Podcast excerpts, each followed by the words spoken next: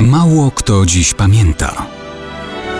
Datownik historyczny prezentuje Maciej Korkuć.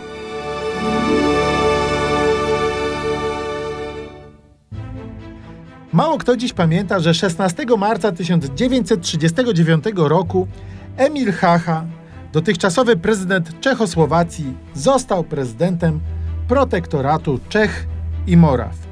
To było twarde lądowanie dla niego i wszystkich, którzy wierzyli, że za cenę ustępstw wobec żądań Hitlera można zaskarbić sobie jego przyjaźń.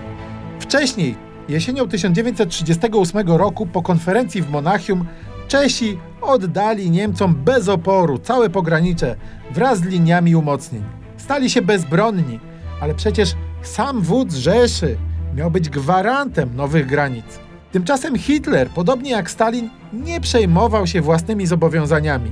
Liczyło się osiąganie celów, a nie dotrzymywanie obietnic. Stąd już 21 października 1938 nakazał swojemu wojsku rozpocząć przygotowania do zajęcia reszty kraju. Wówczas wybrany na prezydenta okrojonej Czechosłowacji Emil Hacha i władze tzw. II Republiki starały się jednak na różne sposoby przypodobać Berlinowi. Potępiały dotychczasową orientację polityczną Czechosłowacji. Oparli politykę zagraniczną na umizgach wobec osi Berlin-Rzym.